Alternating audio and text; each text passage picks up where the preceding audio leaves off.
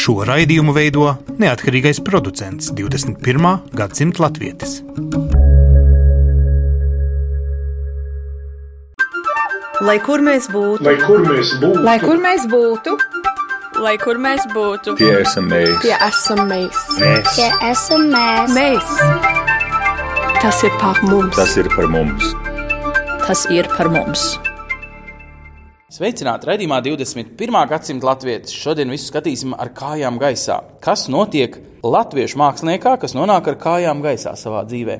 Proti, dzīvo Austrālijā, tālu prom no Latvijas dabas, skatoties pilnīgi dažādās dabas parādībās, ne tajā pelēkajā un vienmuļajā, kā mēs paši par sevi domājam, ne tajos pasteļtoņos, bet tajos krāsainajos, spilgtajos, kuros dzīvo Austrālijas daba, tropu teritorijā, Austrālijas pašos ziemeļos vai tuvāk ekvatoram. Kērns ir viena no uh, salīdzinoši prominentām lielām pilsētām. Tepat blakus ir barjeras rifs, un te pa vidus ar barjeras rifu un tropu mežu dzīvo Zita Sudnika. Zita, jūs te nodzīvojat jau astoņus pilnus gadus, bet uh, Austrālijā esat patiesībā vēl pirms tam bijusi. Kas jūs visvairāk dzīvē ietekmē kā mākslinieci? Austrālija vai jebkas cits dzīvē? Noteikti ne, ne Austrālija, noteikti kaut kas cits. Tāpēc, ka es savu dzīvi nevērtēju, kur es dzīvoju. Es esmu tāds pasaules pilsonis, kurš var pārvietoties, un es esmu es, vienalga, kur es esmu. Bet pat cik es visu savu mūžu nodzīvoju Latvijā un Austrālijā tikai astoņus gadus, tas ir pietiekoši liels laiks, lai es sajustu sevi, kad arī šis ir manas mājas. Un Tagad es... jūs to sakat pēc astoņiem gadiem, kad atbraucāt pirmajā reizē, jūs tā neteiktu, vai ne? Nē, Nu, jā. neteiktu, nu, noteikti nē. Kad es atbraucu pirmo reizi, tas man bija tāds brīnums, kad es izkāpu no lidmašīnas. Tas pirmais brīnums man bija tāds, ka, oh, visi mūsu istabas augi ir ārā. Tad, tad tas mazais puķpodiņa variants Latvijā uz palodzes, bet šeit tikai desmit reizes lielāks. Jā, un košāks un karsts. Tas bija tāds man pārsteigums, jo es nekad tā īsti neinteresējos. Nu, Austrālija, nu, ko Latvijas zina par Austrāliju? Ka tas ir otrā pusē pasaulē. Kaut kāds tūkstnesis, kur ir ķēnguri, un uh, tas ir viss, bet es nekad nebiju iedomājusies, ka Austrālija ir tik zaļa. Nu šeit, kur jūs atrodaties, tā Nu. tūkstnesis jau vēl aizvien ir lielākā šīs Austrālijas teritorija. Vienkārši jūs esat pašā jūras krastā ar skatu faktiski uz Ameriku. Te pāri okeānam skatoties, var redzēt tikai Ameriku, ja kāds var redzēt. Es esmu Dažas salas tur, kur vēl. saule aust. Ah, jā, vēl, ātrāk nekā Japānā. Man liekas, viena jūs ātrāk pie jums uzaust saule. Tagad, Zita, ja drīkst tā paskatīties jūsu albumā, jums ir pilnīgi citas krāsas, drīzāk tādas metāliski zilas, daži pat teiktu, nepārāk latviešu dabai raksturīgas, tad, kad jūs eh, esat darinājusi savus gleznas vēl Latvijā. Vai jūs tā piekristu, ka jūsos ir pilnībā nomainījusies arī krāsu izjūta, kopš jūs dzīvojat citā krāsu gammā ikdienā? Es domāju, jā, tā krāsa izmainījās līdz ar to, ka es izmainījos. Jo līdz ar to, ka es atbraucu uz pavisam citu vidi un citu filozofiju, es ļoti krasi mainījos. Un kas ir mana glezniecība? Glezniecība jau ir tas, kas es esmu iekšā. Un tas viss vienkārši nāk ārā, tad, kad viņš ir gatavs un kāds viņš ir.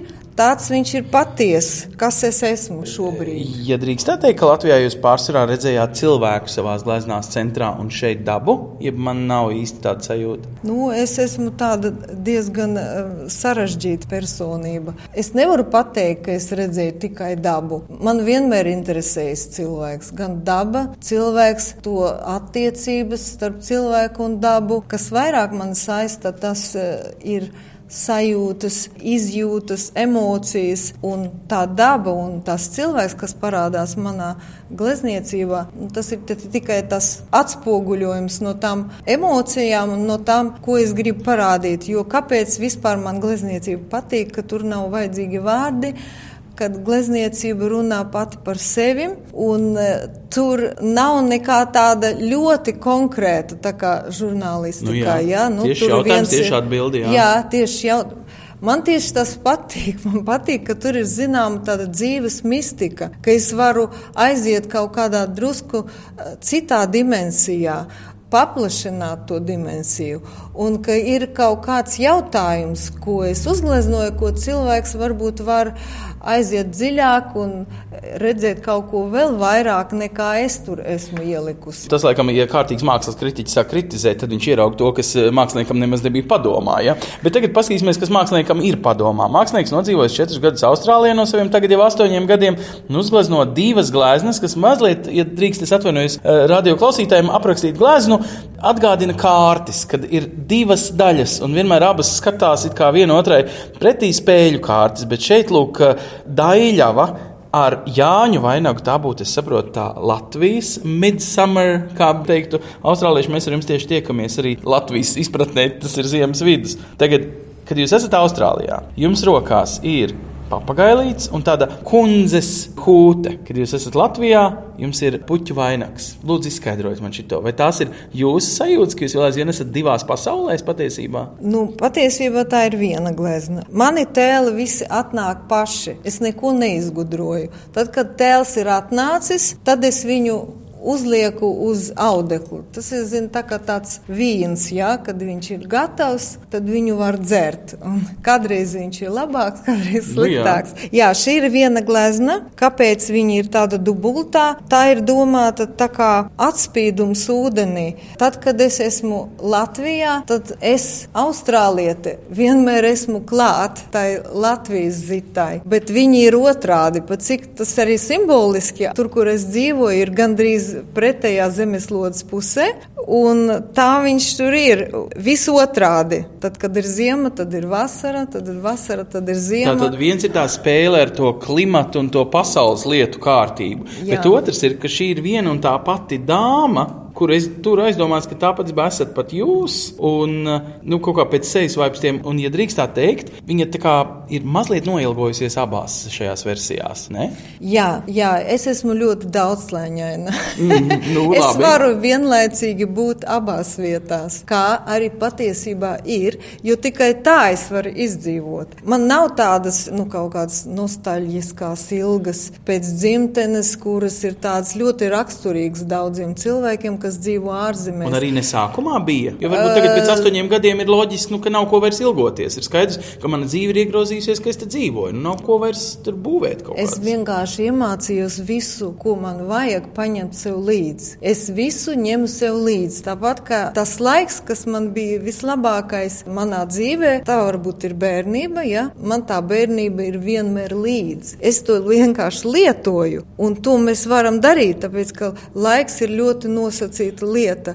Viņu var staipīt, viņu var saīsināt, arī pagarināt. Attālums, arī attālums, jo, piemēram, arī, Austrālijas arī tipiskie telpa. latvieši, piemēram, stāsta, ka viņiem latviskums ir īpaši nu, koncentrēts tieši tāpēc, ka ir attālums, ka uz to īsto Latviju tu nekad varbūt arī neaizbrauks dēļ, nu, piemēram, izmaksām tuvākajos, teiksim, piecos gados. Mm -hmm. Un tad, teiksim, kultūras dienas, nu, tas latviskās obligātās literatūras sastāvdaļas, ja?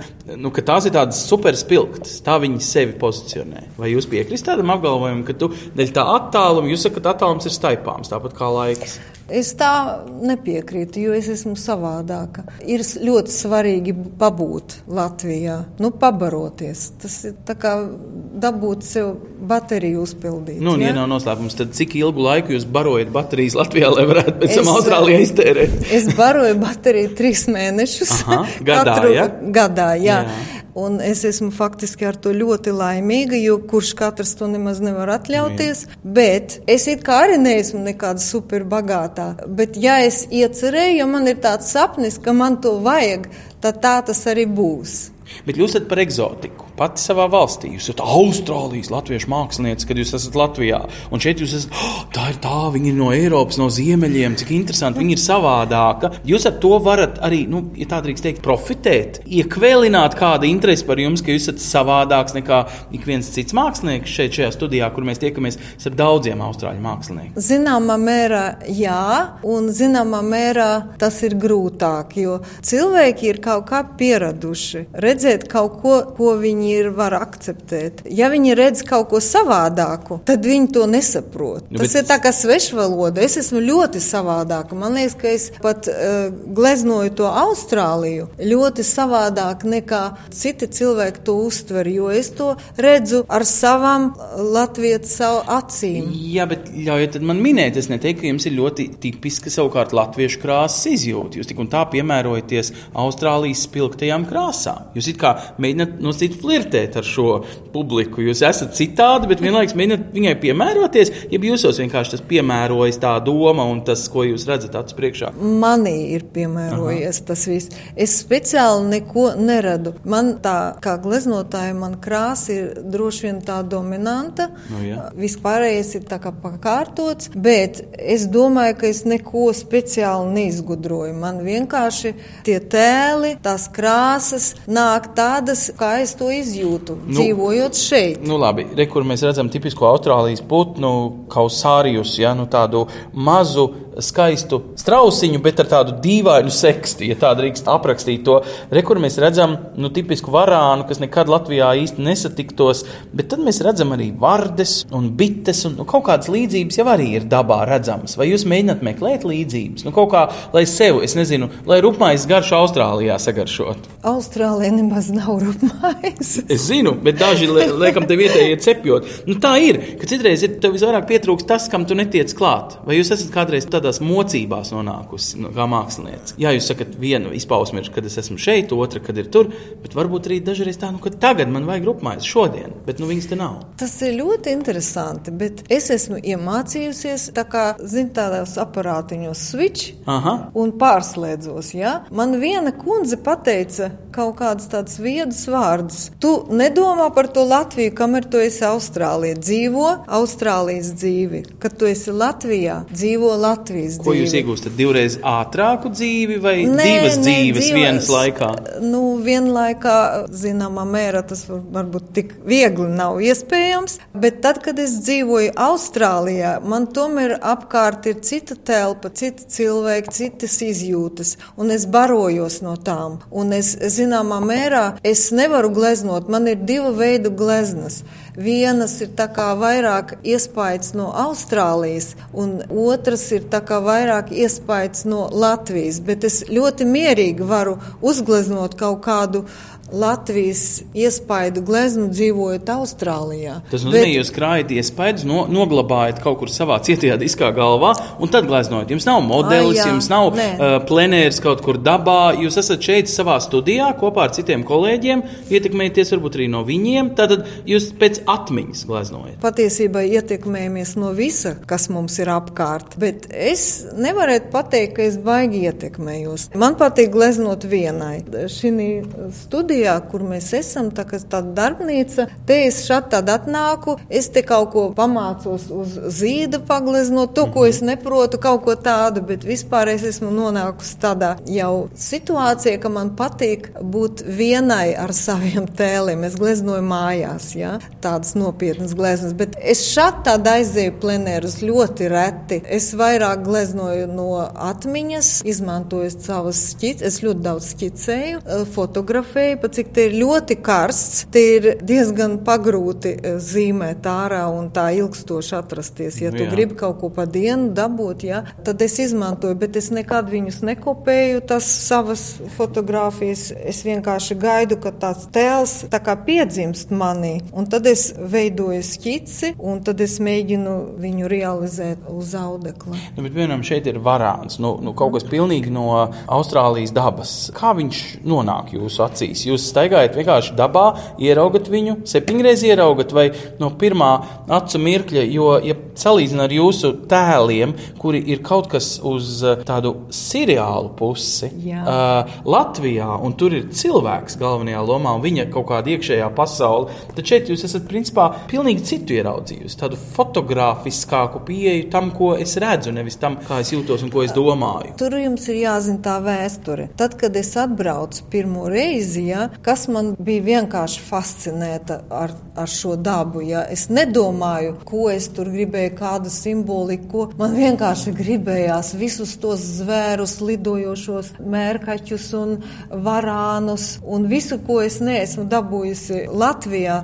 Vārdas, jā, koku vārdas milzīgas. To visu man gribējās gleznot, bet tas nav tā, kā es ieraugu un uzreiz uzgleznoju. Es to varānu aptuveni 600 reizes esmu redzējusi, jo es eju kemp, ne, uz kempingu ejam, ja? mm -hmm. un tad tu nevari tā uzreiz paņemt. Nu, tev ir jāpadzīvo tai vidē, mēs ejam mežā, tad mēs tur ar teltīm paliekam, tad tie zvēri tur nāk. Jūs viņus redzat darbībā? Absolūti. Es nekad eh, neko negleznoju no interneta, tur paņem kaut ko tā. Tas viss ir tad... mani iespaidi. Nu, būtībā sajūtu līmeni. Absolūti sajūtu līmenī, bet tie ir darbi, kuri vairāk saistīti ar tādu Austrālijas apbrīnu, cik te viss ir daudz, cik te viss ir krāsains un bagāts. Man ir vēl viena līnija, kura ir, kā jūs teicat, tā mistiskā, mm -hmm. kur es gleznoju. Tur nevar pateikt, vai tā glezna pieder Latvijai, Austrālijai. Tā ir vairāk figurāla un vairāk par kaut ko citu. Ja? Nu, bet es pat saskatu tā, es redzu Austrālijas dabu un latviešu zirgu. Tā kā es redzu, kā viņš dabā izstāsta, var tā būt, ka jūs mēģināt arī sapludināt divas pilnīgi nesapludināmas lietas. Es mēģināju domāt, ka tas ir iespējams, bet jūs domājat, ka Austrālijas zirgi trūkst? Nē, es ticu, ka viņi ir mazliet līdzīgi, tāpēc jau es viņus nosaucu par zirgiem, nevis par zebrām. Bet es kaut kur ieraugu tādas, nezinu, varbūt tās ir Latvijas Mākslas akadēmijas kompozīcijas, kaut kādi pamati, vai ir kaut kāds tāds, jā, nu šitā glazno Latvijas Mākslas akadēmija. Nu, nu, vai jūs jūtat sevi, ka ir kaut kas tāds, krieviem laikam ir tāds traks teiciens eh, profesionālisms, neprapjošs. Nu, citiem vārdiem, lai kur jūs tālu aizvandītos savā pasaules gājienā, jūs tik un tā savu klasisko nu, glezniecību, zīmēšanu, kompozīciju, koloristiku, visu esat iemācījusies Latvijā. Nu, tur nu, to nevar noliegt. Absolūti. Es domāju, ka es ar to esmu ļoti bagāta. Jo, piemēram, tā kā šeit citi glezno tur zirgus vai ko, viņam ir pilnīgi cita pieeja. Viņam tāda vairāk tāda kauboja stila kaut mm -hmm. kāda tāda. Nu, tā. Es eh, savai glezniecībai es nemaz nevaru pateikt stilu, ja? jo tas ir, nu, manā izpratnē, tas ir tāds dekoratīvais realisms ar uh, simbolikas, misticisma un varbūt romantismu piegaršu. Mm -hmm. kā, kā un domā? tas uh, lido šeit, nu, teiksim, jūs jūtat, ka jūs ar to varat būt interesanti citiem vietējiem cilvēkiem, vai viņi ir, kā saka, gatavi to jūsu ieraudzīto glaznā ielikto, tāpēc pirkt pirkt un apbrīnot, vai tieši ar to ir grūti uzvarēt. Jo nu, citiem visdrīzāk ir iespējas, ka Austrālija ir te vai kā Amerika. Viss ir no angliski, visas rases ir saplūdušas. Cilvēki šeit katrs ceturtais ģimenē runā ne angļu valodā, bet kādā no ieceļotāju valodām. Nu, Ciemēr, ka šis ir tāds pats pasaules kokteils kā Ņujorka. Vai tā var teikt, ka Austrāļiem ir visas gaumas, visus pieņem arī latviešu māksliniekus? Austrāļi vispār ir ļoti atvērti cilvēki. Viņi tiešām pieņem visus. Cita lieta, vai viņam patīk patīk viss, ja? bet es domāju, ka man gan Latvijā, gan Austrālijā ir vienkārši savs skatītāju lokus kurš domā tā, kā es uztveru, kā es, un tiem arī patīk manas gleznas. Visiem nemaz nevajag patikt. Nē, nu pasarg Dievs, nesat veca nauda, lai patiktu visiem. Bet kas jums patīk tajā, ka jūs kombinējat šīs divas dzīves? Jūs tā nodzīvojat ātrāk, vairāk, intensīvāk, koloristiskāk. Nu, teiksim, ir cilvēki, kas saka, ka tas nav labi, ka jūs sakat, ka jūs te arī esat mājās, ka jums ir jājūt kaut kāda mūžīgā deksme pēc atgriešanās vai tam līdzīgas lietas. Nu, Nu, jūs zināt, ir daudz cilvēku, kas saka, ka, ka Latvija nepiedzīvo savus labākos gadus, ka proporcionāli liels skaitlis cilvēku brauc prom. Vai jūs jūtaties kaut kur daļa no šī stāsta? Nē, muļķības. Tas ir pavisam cits stāsts. Pirmkārt, es nekad neesmu domājis, ka es šeit nokļūšu. Vienkārši ir kaut kādas lietas, kuras ir jāpiedzīvo. Nu, kaut kas fatāls, var teikt, ja? mm. ko tu nevari izvēlēties. Bet es nevaru pateikt, ka es ticu pilnīgi fatālismu. Pilnīgi nav nekā nekādas brīvas izvēles. Nē, es domāju, ka cilvēkam ir ļoti liela izvēle. Tā kā dzīve ir tā kā tāds kaleidoskops. Tu drusku pakustini ar roku, tas musturs bišķiņ pamainās, ja? tad tu vairāk pagriez, vēl pamainās, tad tu viņu pamatīgi sakrati, un viņš ir pavisam savādāks, bet vēl joprojām ir skaists. Es atceros, bērnībā man bija tāds tēls. Es visu laiku zīmēju skolas, burtnīcās, visur man bija tāds mazs krokodilēns. Oho! Viņu sauca Gisto. Kas to būtu domājis? Nu, es, ka tam ir sakars viņu- ar tiem, kas te dzīvo apkārtnē Austrālijā. Sa, un tu saproti, nu, te ir krokodili, tas ir viens, bet te ir tie tādi gekoni, kas skraida iekšpusē un ārpusē. Tie ir precīzi mani tēli. Ja, Mazs ķirzacīns. Mazs tāds mazs ķirzacīns. Viņš manā izpratnē toreiz viņš bija tāds agresīvs, ļoti vitāls, bet mīļš tajā pašā laikā. Nu, viss, kas šeit, Austrālijā. Es vienkārši domāju, ka mana zemapziņa jau zināja, ka es te būšu. Ja? Tas nozīmē, ka jums tāpēc bija vieglāk arī to pieņemt, iedzīvoties. Tā varētu teikt. Tas jūs nekad nozīmē, ka nedomājāt, bet tā notika. Gatavoja, mani gatavoja, bet es to nezināju. Un tāpēc, ka es, es domāju, ka vispār pagātne, tagadne, nākotne, tas viss ir jau redzams un zināms. Piemēram, no citām zvaigznēm mēs varbūt varam redzēt to mūsu pagātni. Ja? Labi, bet ieliksim tagad vēl lielākā kontekstā citi Austrālijas latviešu mākslinieki, kur nonāca šeit, teiksim, pēc kara gaitās. Ļoti bieži gleznoja, sauksim viņas par ilgas pēc Latvijas. Nu, piemēram, Rija, kā tāds vesels motīvs kādam māksliniekam. Nacionālais romantisms, dažādi ornamenti, nu, nu cik vien var latviski, vai nu krāsu ziņā, vai kā savādāk. Jā, ietekmējis arī no austrāļu dabas vai ko. Jūs galīgi neesat no tās paudzes, jūs neesat nosacīti parādā šai sapnim par zaudēto Latviju. Vai varētu teikt, ka jūs ieliekat pilnīgi jaunu lapus arī šajā pieredzē? Austrālijā arī dzīvo latviešu mākslinieki, un viņi skatās uz to realitāti savādāk. Jums nav jāatjauno Latvijas republikas valstiskums. Tāpēc, ka es neesmu zaudējusi Latviju. Tāpēc, ka Latvija ir manī iekšā, tā ir mana dzimtene. Es viņu mīlu, un tas ir Center of Universe. Nu jā, jā. Un eh, man arī visas tās lietas mīļas. Kā jūs redzējāt, man tur ir daudz glezna, kur ir aizvien eh, dzīvo Jāņi, Latvijā. kur ir vainagi, kur ir saule, lēkts un smilgas. Un kuras ir gleznotas gados, kad jūs jau esat nodzīvojis šeit, Austrālijā. Jā, un es Tātad- šo gleznu uzgleznoju Austrālijā. Mm -hmm. ja? Bet tipiski Latvijas ainava. Tipiski Latvijas ainava. Bet viņi ļoti patīk Austrāļiem. Tāpēc, ka viņam arī jāredz kaut kas cits. Viņam ir jāzina, ka ir tāda maza tauta, kura vēl joprojām dzīva. Ah, bet to jūs mēģināt skaidrot? Vai ir vērts to skaidrot? Jā, es skaidroju visiem, kas tikai ieinteresējas, un starp citu viņam ir liela interese par to. Es visu to skaidroju, cik unikāla ir Latvija. Es, es dziedu viņam latviešu tautas dziesmas. Viņam tas patīk. Jā, Mums- bet ar jā. to jūs mēģināt viņiem pierādīt, ka viņi pieder kaut kam lielākam un kopā sajauktam, un ka jūs esat unikāls tieši ar šo piederēšanu tam mazumiņam un būšanu otrā pasaules malā, vai kur tas triks, jo citiem nolaižas rokas pasaulē dzīvojot. Viņi saka, nu, es neskaidrošu, nu, kaut kur Eiropā, nu, liecies mierā, nu, būs jau labi, nu, jo, jo citādi būs tas rūkums, ja, kas salīdzinās ar Krieviju. Nē, man nav tāda rūkuma. Es vienkārši domāju, ka vispār nemēdz būt mazsvarīgas lietas.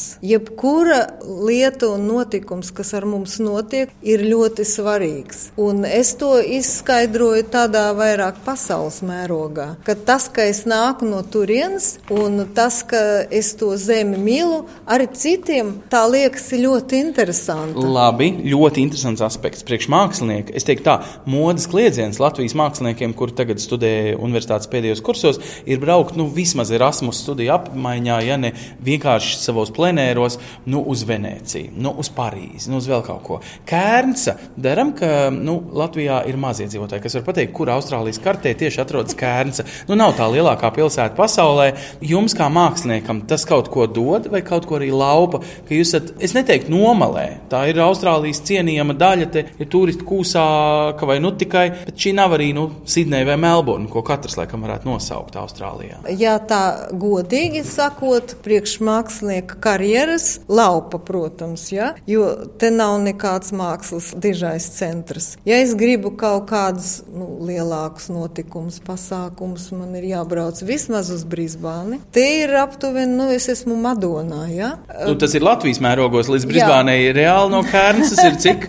2000 2000. Piedod, līdz Brisbānei. taisnā līnijā ir 1600. Nu jā, nu tā tad ar ar vilcienu Taisnā 2000, līnijā, jā. jā, jā. Te ir neiedomājami attālumi. Vienkārši es ļoti sapņoju par teleportu. Tad jau jūs varētu teleportēties arī uz Latviju, ne tikai uz Brisbānu. Es esmu sapņotāja. Es zinu, ka tam ir nākotne. Tikai nu, drusku jāpagaida. Labi, ģimenes apstākļu dēļ jūs piedzimāt Latvijā, ģimenes apstākļu dēļ tagad esat iepriecējusies Austrālijā.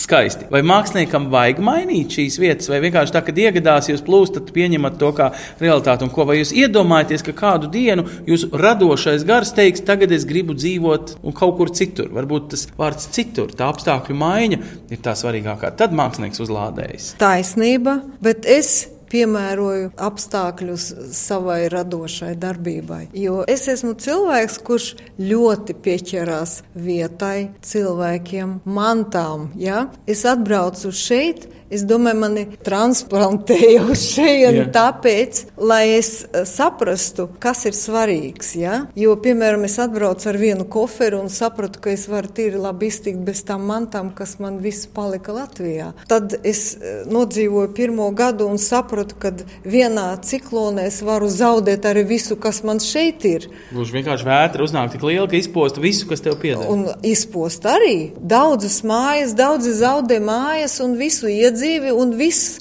pat atmiņas, fotografijas viņam nekā vairs nav. Un es tad sapratu, nu, varbūt tā tiešām nav vērtība. Varbūt ir vērtība kaut kas cits. Es te esmu, un es to lietošu. Es to lietošu, lai es varētu radīt. Radīt var visur. Vai nav tā, ka jūs drīkstat arī vairāk šeit atļauties, eksperimentēt? Jo gleznotāji Latvijā ir augstākā kasta. Nu, viņi savas zilās asinis nenodod. Jūs te esat bišķīgi nodevusi. Es neesmu nodevusi nodevis. Es ļauju savam bērnam izpausties uz pilno klapi. Un te var, te ir kur. Un te var. Jūs saprotiet, ka es savos gados atļaujos, ka es iešu un tagad dejošu. Es pat publikā dejoju. Ja? Es to mūžam nebūtu atļāvusies Latvijā. Paga, paga. Jūs gribat teikt, tie kanoni, ko es tagad uztaustīju nejauši, ir tik tādi sasaistoši, ka tā mazā salīdzinoša sabiedrība tā kā mazliet saliek pa kastām tās lietas Latvijā. Jūs šeit neesat kastu sistēmā? Nē,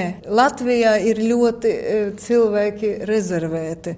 Viņi Dievs pasko kaimiņš padomās. Mm -hmm. ja? Es esmu atbrīvojusies no tā. Es beidzot varu teikt to, ko es domāju. Protams, es bet... nesaku tas tāpēc, ka tā ir Latvija tāda vainīga, ja? bet es tāda esmu bijusi Latvijā. Bet varbūt mēs sev uzliekam tādus aizspriedumus, jo esam maza, divu miljonu liela valsts, un šeit 24 arī nav pārāk daudz, ja miljonu. Nu, kas tad tas ir salīdzinoši pret to, ka kontinents ir tikpat liels kā Eiropa. Kā jums liekas, vai nav arī tā, ka mēs arī galvās citreiz sev tās schēmas saliekam? Tikai, kad jūs tiekat ārā no šīs nosacītas realitātes, jūs ieraugat, ka tās schēmas ir tikai galvā. Viss ir galvā, absolūti. Tikko tu sevi atbrīvo no kaut kā, tu tiešām jūties labi un brīvs, un tu vari lidot. Tu vari darīt to, ko tu vēlies, un tu vari to visu izbaudīt. Bet kas interesanti, šī iziešana ārā dod jums lidojumu iespēju turpināt arī Latvijā atgriežoties. Jūs nekad neteikt vairs, ka jūs nelidot arī Latvijā. Es pareizi dzirdēju, savēlkot kopā, ko teicāt sākumā un ko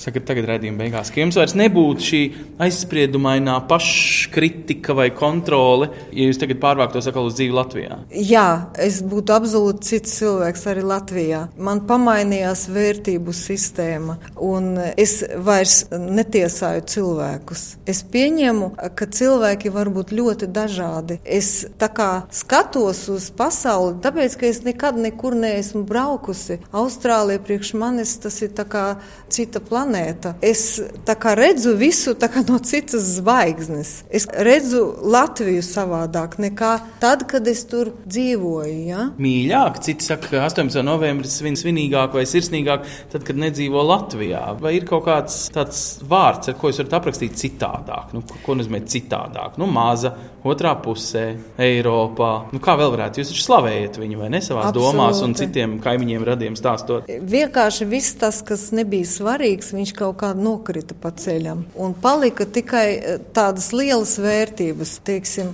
tuvākie draugi, mana ģimene, mana dzimtene kā tāda. Nevis tāda ļoti tāda pampozi patriotiska, bet eh, es viņu kaut kā izjūtu ar visām savām šūnām, to nu, Latviju. Nu, tad, tā, jūs nelamājat valdību, jūs tai valdībai mazāk sekojat. Latvijā ir tāds nu, tā saldais ēdiens, katru vakaru nevar aiziet gulēt, kamēr valdība nav nolamāta. Sanāk, jūs kā attālināties no tām ikdienas putām un negācijām un ieraugat nu, to kodolu, kas tā Latvija ir patiesībā, kāpēc viņi ir vērts mīlēt. Jā, tā tas ir, bet tas nenozīmē, ka man nesāp tās lietas, ka es atbraucu un kontrastā es redzu. Ja? Bet es nekad nesaku, ah, mums Austrālija mm. ir tā, un kāpēc jums tā nav? Nu, jau ja? gan vairs tā nedrīkst runāt. Ne 91. gadā tā varbūt daži runāja. nē, es tā nē. Bet man drusku sāpīgi, ka latviešiem tomēr vēl ir uh, saglabājies tas, jā, mēs zinām, ka tur ir labāk, bet mēs darām tā. Mm -hmm. Piemēram, suntumainums, ie, a, a, jā, ietiepība. Tāda. Piemēram, vienkārša lieta - mušu sieti. Ja? Aha. Es atceros savu bērnību, manu vecmāmu, kur speķīts un viss kaut kas, un kūtiņi turpat, nu, ja. un tas mušas bija visur. Un tas bija grūti, ja? un tik viegls atrisinājums, bet mēs to nevaram pieņemt, tāpēc, mm -hmm. ka mhm. mēs tā nedarām. Austrālijai tik praktiski, ja ieliek logā to sietu un dzīvo cepur kuldams. Jā, es domāju, kas ir eh, man kā latvietei liekas, ka vajadzētu mācīties un paņemt no citurienes to, kas ir jau izgudrots. Nu, to velosipēdu vēlreiz nevajag 200 gadus nonākt līdz tam. Vajag un nevajag, katram savs stāsts, katram savai, kā teikt, psihopātijai jāizdzīvo cauri.